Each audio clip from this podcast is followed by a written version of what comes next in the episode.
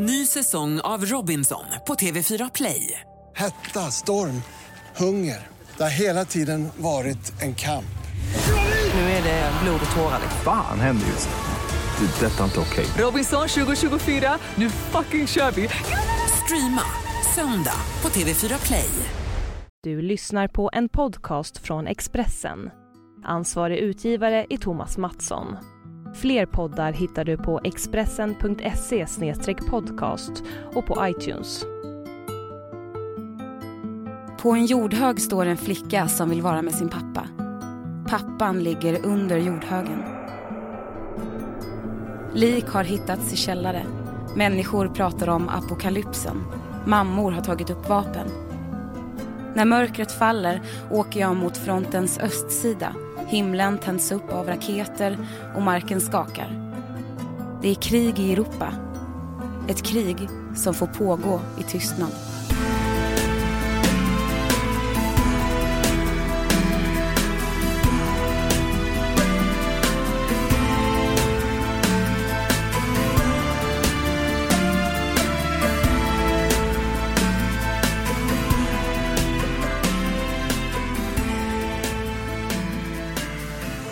Donetsk.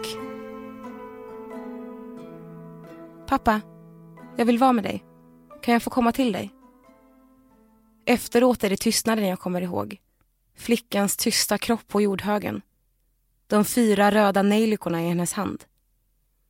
De tysta skelettgatorna vid fronten. Utbrända fasader, förvridet stål som inte längre bär upp något.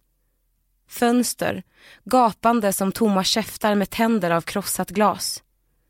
De tysta niovåningshusen. Skuggorna som rör sig där inne och steg som hörs i en trappuppgång där steg inte kan höras. Svarta kängor som kliver ut ur en port där ingen längre bor. Den ena mannen håller upp en automatkarbin den andra suger in kinderna och blåser ut grå cigarettrök i den ännu gråare luften. Den tredje har lika mycket utstrålning som en pistolmynning. Pistolmynningen vill se papper, tillstånd. Hans ribbmussa är neddragen ända till ögonvitorna.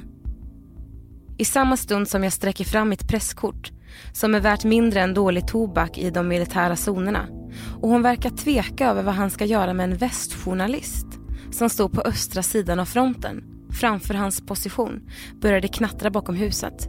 Automateld. Några tyngre smällar.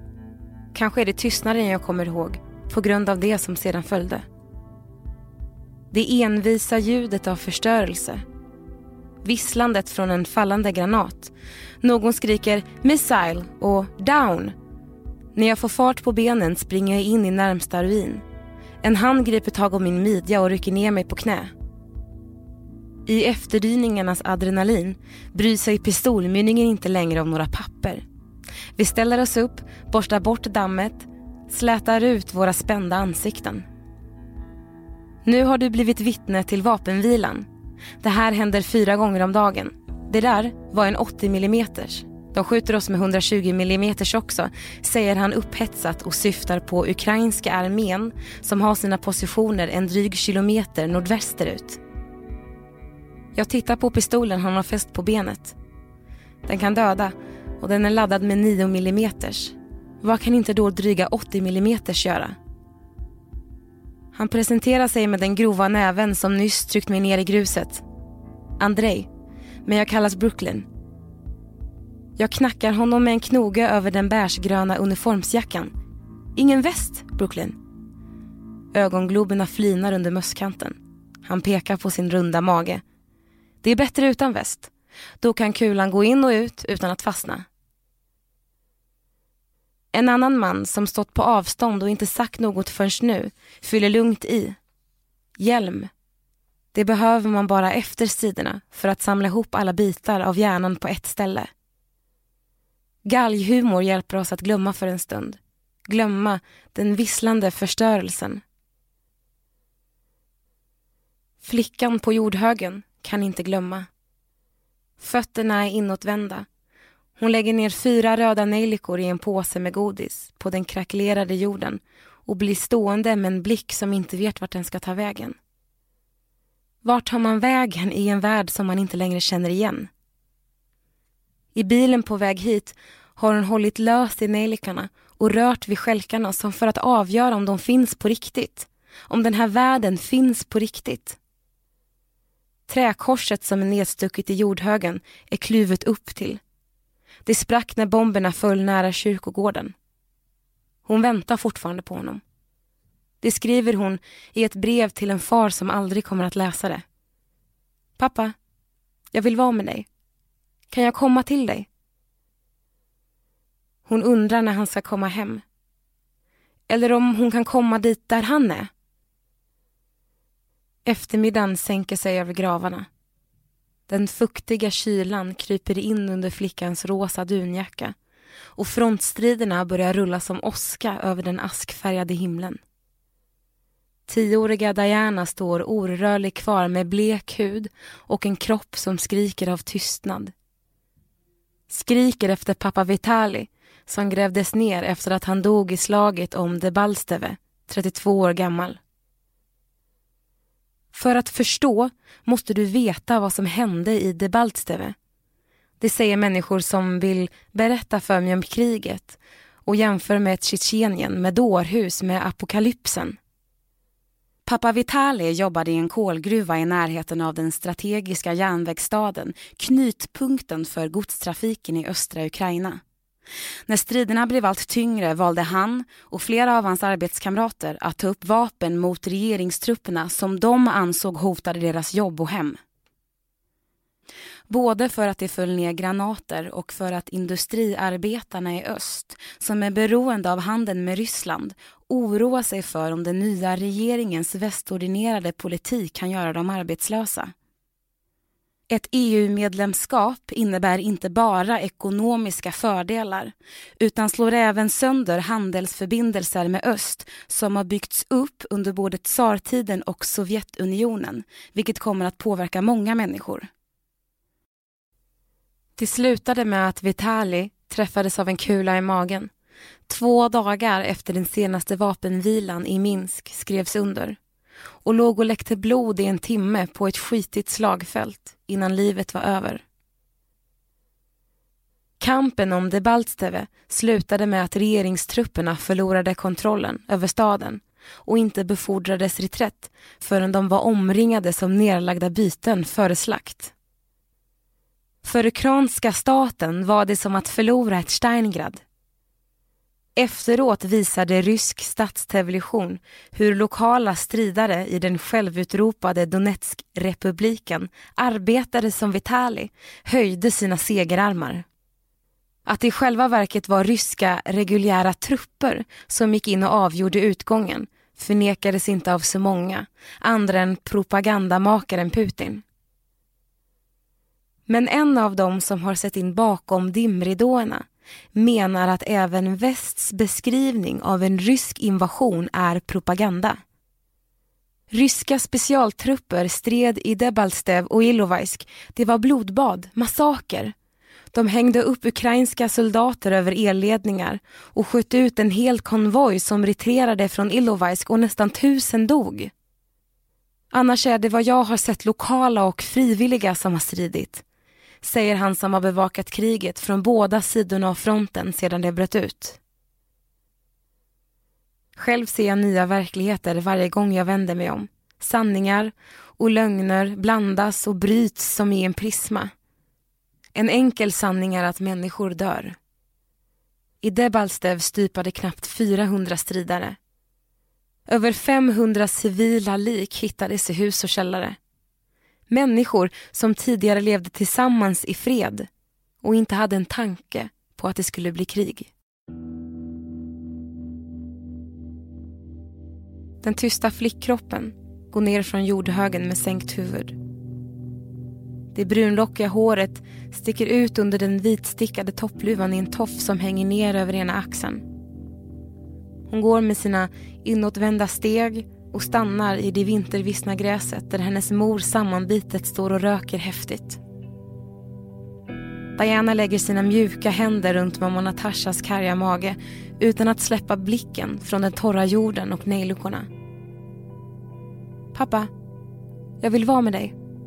Kan jag komma till dig? Det är när de kramar om varandra som det brister. Dianas tårar kommer först. Natasha försöker hålla kvar sina där hon stängt in dem men hon klarar det inte och de svartkantade ögonen rinner över. Dianas mamma är terrorist. Det säger den 28-åriga änkan efter att hon torkat sin gråtblöta näsa med handloven. Jag är terrorist. När hon gick in i blomsterhandeln med sina tunna jeansklädda ben för att köpa nejlikorna berättade hon att hon inte hade kunnat besöka sin egen fars grav på två år. Nu ger hon förklaringen. Hon får inte. Den ligger i den regeringskontrollerade delen av Ukraina och ukrainska säkerhetstjänsten har terroriststämplat henne. Det var inte hennes man som tog upp vapen först. Det var hon. Allt gick så fort. Jag fick en kalasjnikov och gick ner och sköt i en källare för att lära mig. Jag tappade nästan hörseln. Natasha blev bra på det. Två tvillingsystrar som hon kände blev prickskyttar. Jag betraktar henne förundrat. Men varför ville du kriga? Hon tänder en ny cigarett.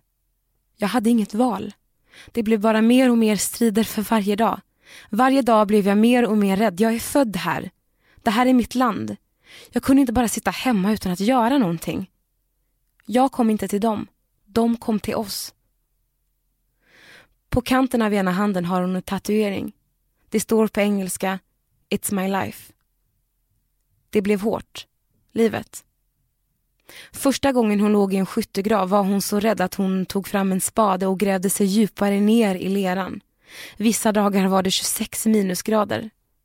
Som så många andra kvinnliga soldater fick hon en livmoderinfektion som gjorde henne steril. Nätterna var värst. Jag drömde mardrömmar om striderna. Det gjorde min man också. De vaknade svettiga, jagande av minnen från fronten, av att bli beskjutna och att skjuta. Det har aldrig varit lätt för Natasha att trycka av. Hon pratar om det med en ovanlig uppriktighet. Det här kriget är moraliskt svårt för jag förstår att de på andra sidan inte har valt själva att gå ut och skjuta på oss utan att de har blivit utkommenderade av armén. När hon fick samtalet om att hennes man stupat förlorade hon vettet. Diana var hos farmor då. Jag fick gå runt ensam hemma och vänta på hans kropp i två dygn. Nu ligger den under jordhögen. Om jag ändå visste varför han behövde dö. Jag trodde vi skulle bli gamla tillsammans. Diana var pappas flicka. Hon älskade honom väldigt mycket och kan inte förstå att han är borta. Nu känner jag mig bara tom och ledsen. Det gör ont och det är svårt att leva utan han. Pappa, jag vill vara med dig. Kan jag komma till dig? Natasha, som bor i en liten stad utanför Donetsk, vill inte längre tillhöra Ukraina. Hon känner inte att det nya stadsprojektet som söker sig mot EU har något med henne att göra och vill istället att det östra kol och stålbältet, där många etniska ryssar bor, ska tillhöra Ryssland. Hon har släkt i Ryssland och berättar utan förbehåll att hennes befäl var ryss. Vill du kriga igen? Nej. Nej, jag vill vakna upp på morgonen och höra tystnad. Tystnad rör sig mellan sönderskjutna betongpelare, avslitna ventilationsrör, uppblött isoleringsmaterial, ilskna stänger och högar av korrugerad plåt. Det är hans Noduger, hans krigsnamn. Tystnad. Ansiktet är täckt av både en svart balaklava och en kamouflagefärgad jackhuva. Det ser finlämmat ut bakom maskeringen. Prickskyttegeväret som han bär i en rem är gammalt och otympligt. Nästan lika långt som tystnad själv. Kolvens nederdel hänger i knähöjd och pipan slutar vid skallen. Jag sätter ner fötterna nära hans för att inte trampa på minor när vi går runt i vraken av Donetsk internationella flygplats, Sergej Prokofjev, döpt efter kompositören som skrivit Peter och vargen.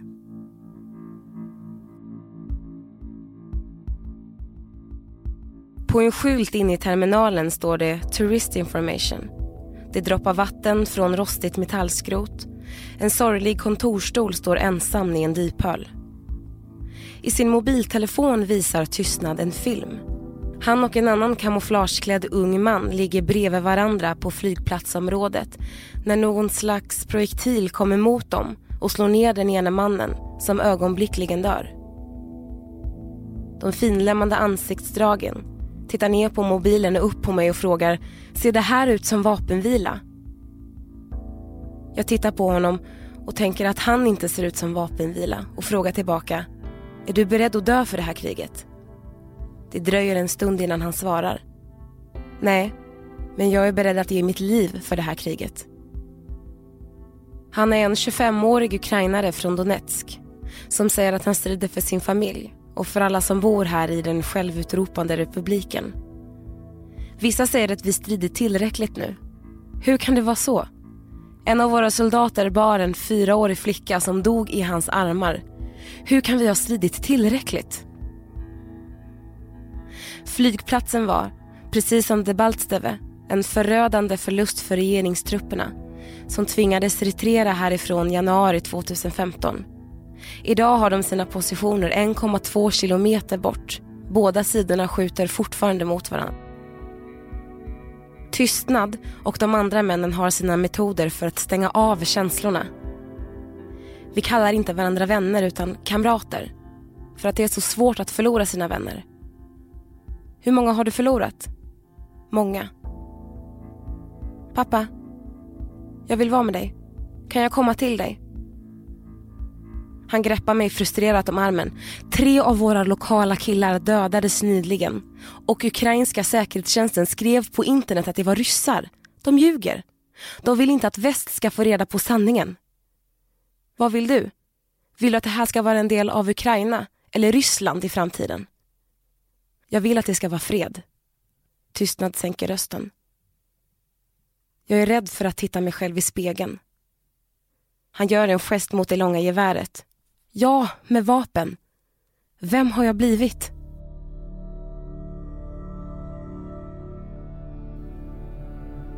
Det börjar smattra från horisonten och vi drar oss tillbaka från terminalen in i det tidigare parkeringshuset. Bombade bilar står kvar i sina rutor som utmärgade benrangel. I ett hörn har en handfull män tänt en eld. De trängs bland ingrott svett, vapen, ammunition, filtar, sandsäckar, glasburkar med inlagd mat, ett smörpaket, olja, salt, choklad, en dunk vatten, använda bestick och koppar på ett träbord, hjälmar som hänger på krokar och ett porträtt av Felix Dzerzjinski. Järn-Felix Dzerzjinski, som han kallades för sin kommunistiska nit, grundade Tjeckien, den sovjetiska hemliga polisen, senare KGB och som var dess chef fram till 1919. En av de stridande har en bild av Stalin på sin vindruta. Den största av männen, Alexander, tar mig så hårt i hand att jag tror att något ska gå sönder och pekar på sin mössa. Skottsäker. Jag vet inte om han menar huvudet eller mössan. Senare när vi kör längs fronten ser han ut över förödelsen och konstaterar lika bestämt. Amerikansk demokrati. Hans käkar och haka är formade som granitblock. På några av de förstörda husen sitter det kvar paraboler. Har man inte egen parabol på den här sidan av fronten kan man inte få in något annat än rysk tv. Alexander nickar och bekräftar att det är ett problem. Det är mycket svårt att få korrekt information om det här kriget. Jag nickar i kapp med min klenare nacke inte så långt härifrån skålas det i vinglas som vanligt och det är tyst om det här kriget. Ett krig som pågår i Europa. Ett fruset krig i gränslandet mellan öst och väst. Mellan två stormakter som har kärnvapen. Kvinnorna i Iverski-klostret är inte tysta. De ber till Gud. På frontlinjen. Från klostertrappan ser man flygplatsen breda ut sig till vänster. Ute på klostergården hörs en blandning av ljusa bönesånger, fågelkvitter och eldstrid. Takkronan hänger inte längre i ett tak utan i ett spindelnät av takstommar. För att skydda sig har kvinnorna satt upp en skiva plywood och några plastskynken runt den plats där de sjunger och ber. Det skyddar inte mot något annat än regn. Jag är inte rädd. Jag tror på Gud. Jag kan be var som helst, säger en kvinna som går runt med en bukett blommor på klostrets kyrkogård. Där exploderade två granater för några dagar sedan och marken mellan gravarna är minerad. Klostret är ett såll av små och stora hål. Mot ena väggen lutar ett trasigt kors. Som korset på Dianas fars grav. Pappa, jag vill vara med dig. Kan jag komma till dig? Hör du visslandet är du okej. Okay. Hör du inte är du död. Brooklyn, eller Andrei som han heter, garvar med sina kallt blå pistolmynningsögon och kluckande kinder. Andrei, som tryckte ner mig i gruset utanför niovåningshuset när den visslande förstörelsen bröt tystnaden. De som lever nära striderna berättar oftast historier som får dem att skratta. Som den om när kriget precis hade brutit ut och några män åkte i en bil och lyssnade på musik. Då han som körde sa till den andra Hörni grabbar, det måste vara något fel på basen. Den är väldigt stark. Det var inte basen. Andrei har ledigt från fronten idag och lutar sig tillbaka i soffan på en restaurang inne i centrala Donetsk. Här finns wifi, sushi, köttstekar, chokladefterrätter, popmusik. Espressomaskinen pyser bakom bardisken och allt ser normalt ut. Men det är det inte. Det finns inget banksystem i den självutropade Donetsk-republiken och det går inte att betala med kort. Bara med ryska rubelsedlar. Och tiden är inte ukrainsk, utan en timme fram. Moskvatid. Efter att Andrei dragit sina skämt blir de runda kinderna allvarliga. Första tiden när jag stred var jag skiträdd. Jag kröp ihop under ett träd. Över näsroten har han ett hackigt ärr. På de militärgröna axelklaffarna två stjärnor. Han ingår i Vostokbataljonen som leds av Alexander Chadakovsky avhoppad höjdare från ukrainska säkerhetstjänsten som har sagt alla förstår att det här är ett krig mellan Ryssland och Amerika så vi måste vara för den ena eller för den andra. Vostok, som följts av New York Times och andra världsmedier, har beskrivits som bestående av tidigare ukrainska specialstyrkor, kaukasier, tjetjenier och ryssar utöver de många lokala som Andrei. Det har även spekulerats i att bataljonen finansieras av ukrainska oligarken Riant Achmetov affärsman från Donetsk som är världens 92 rikaste person enligt Forbes samt att de har en koppling till ryska säkerhetstjänsten, GRU. Liknande spekulationer görs om bataljoner på andra sidan av fronten. Att de är internationellt sammansatta, att amerikanska legosoldater från Blackwater ingår i dem och att de stöds av allt från affärsmän till säkerhetstjänster i väst. När jag försöker reda ut vilka som strider, hur de finansieras och vem som har intresse av att de krigar känns det som att jag hoppar ner i en isvak och inte hittar upp igen. Men för Andrei är det tydligt vilka han strider emot. Fascister, nationalister och onda människor. De som kom hit med vapen till min mark. Är ukrainska armén samma sak som fascister, undrar jag. Alla är inte fascister och nazister. Många är inkallade av armén och har inte valt själva utan skulle hamna i fängelse om de vägrade. Jag förstår dem. Men när de är på fronten med vapen är de mina fiender. De anser också att vi är deras slavar, men det här är mitt land. Jag föddes här och jag kommer skydda min familj från de här människorna.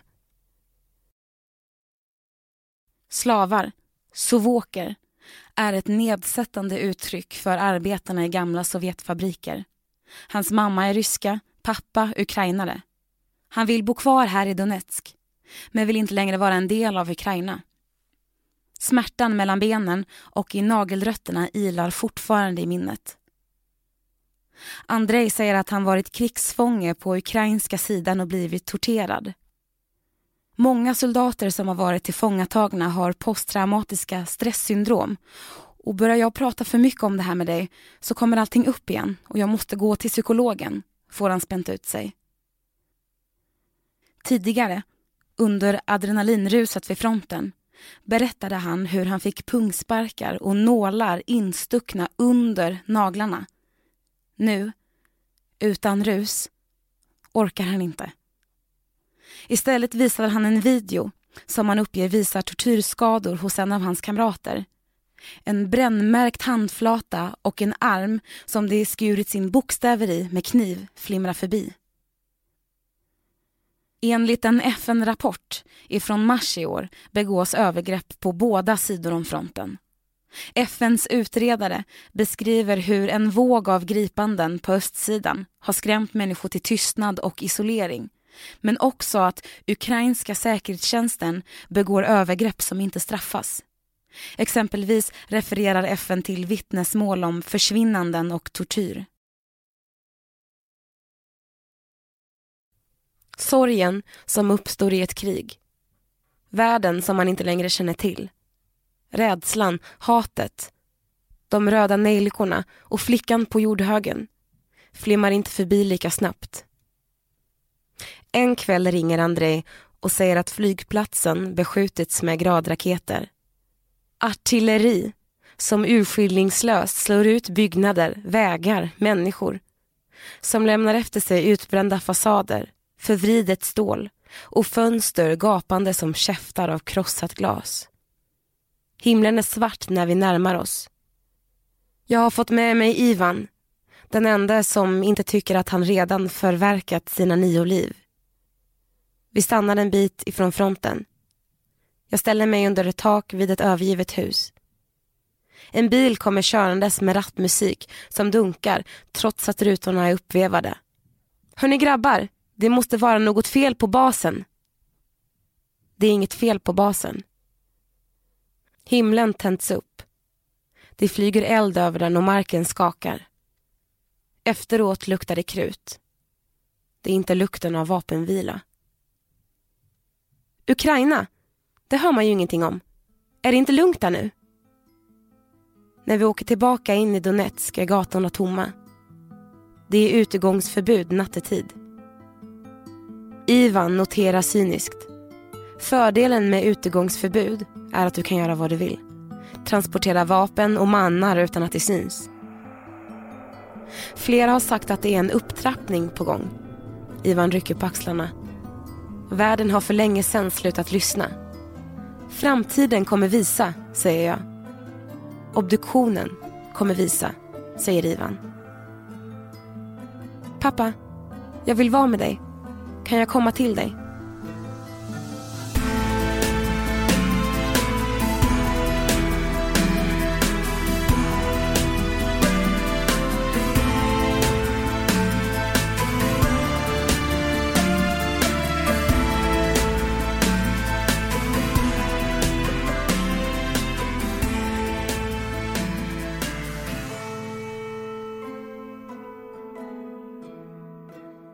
Har lyssnat på en podcast från Expressen.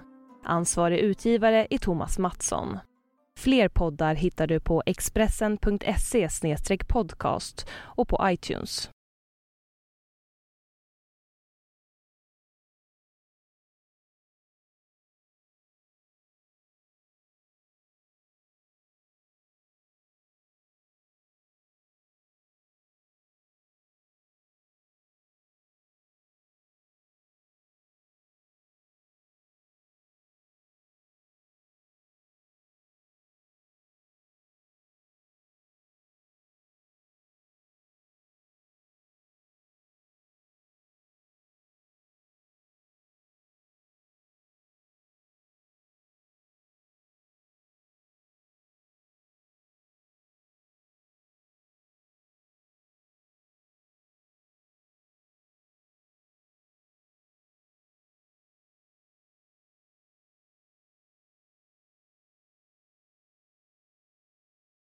Ny säsong av Robinson på TV4 Play. Hetta, storm, hunger. Det har hela tiden varit en kamp. Nu är det blod och tårar. Fan händer just det. Det är detta inte okej. Robinson 2024, nu fucking kör vi! Streama söndag på TV4 Play.